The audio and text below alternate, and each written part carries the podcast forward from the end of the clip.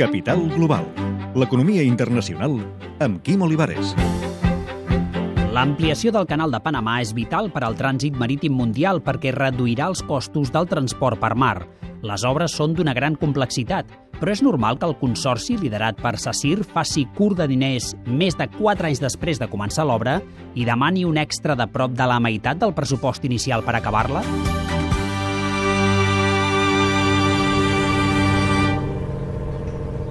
Alfredo Pardo, president de l'Institut Marítim Espanyol i enginyer naval. Los barcos, según llegan, se ponen en cola y el primer y se van en el orden de llegada. Pero el, la autoridad del canal recurre a algunas fórmulas que es hacer una especie de subasta que permite que hay algún barco que pagando más se anticipa i puede ganar uno, dos o tres dies. El 40% dels mercants que travessen el canal de Panamà venen d'Àsia i naveguen cap a la costa est dels Estats Units, però el canal està saturat i no permet el pas d'embarcacions superiors als 32 metres d'ample.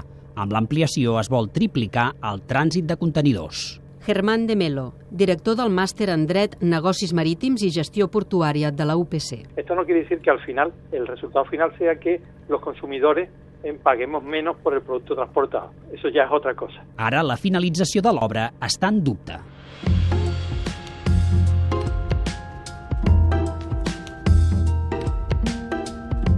Sassir, que va començar els treballs el 2009, demana un sobrecost d'obra de prop del 50% perquè el projecte, en paraules de la companyia, té un desequilibri de tresoreria per costos imprevistos com aquests. Pedro Alonso, portaveu de Sassir.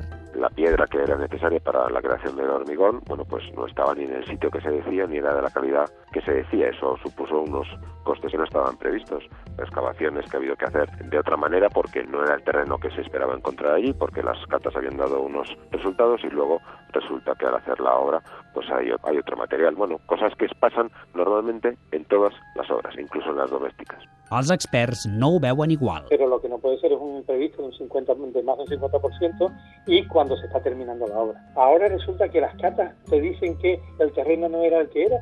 Ahora te das cuenta que en vez de haber hecho el hormigón a pie de obra y, y lo has hecho a un kilómetro, eso ha aumentado el sobrecoste y lo dices ahora, yo creo que no es, no es muy normal. Probablemente, eso es una opinión personal, se haya intentado conseguir el, concurso a la baja y luego no ha sido capaces, por las razones que sean, de conseguirlo. Creo que no parece que esté muy justificado porque además hay, un, hay una referencia, que es que había precios mucho más altos. Sassir, amb empreses italianes, panamenyes i belgues, va fer una oferta mil milions de dòlars inferior al segon postó, un consorci amèrico-japonès. Precisament els cables que l'ambaixada dels Estats Units a Panamà enviava a Washington, filtrats per Wikileaks, es deia que amb l'oferta de Sassir no n'hi havia ni per pagar el formigó. Josep Oriol, degà del Col·legi d'Enginyers de Camins, Canals i Ports de Catalunya. Des del punt de vista tècnic, les empreses espanyoles ho fan bé, o sigui, no, no hi ha cap crítica a aquest respecte, no? També està clar és que normalment són més agressives a l'hora d'ofertar. Això també està clar, perquè es veu, no? I al final, en els grans concursos internacionals, veure, no és que ho guanyi tot, ni molt menys, eh? però vull dir que té un percentatge d'èxit important. El cas de Sassir a Panamà va ser, doncs, el que s'anomena una baixa temerària? Jo em resisteixo a creure que sigui voluntari. En general, les empreses són serioses i s'estan jugant molts diners i un no pot eh, basar-ho tot amb la bona voluntat posterior de l'administració de torn o del promotor de dir, bueno, ja ho arreglarem. Jo crec que això seria d'una frivolitat extrema.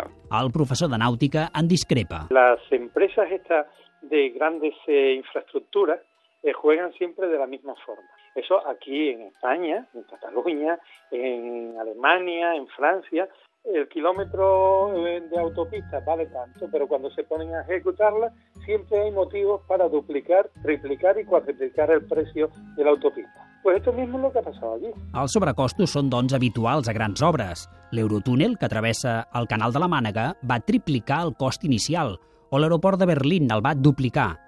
El cas panameny té un altre element, que no passa tan sovint. Tornem a sentir Germán de Melo. Lo que no es habitual que las empresas estas que son privadas y que siempre van diciendo que son los mejores, que hacen tienen los mejores rendimientos, que la empresa privada es mejor que la pública y demás, cuando tiene este problema llame a la ministra de Fomento para que la ayude y para que medie en su negocio.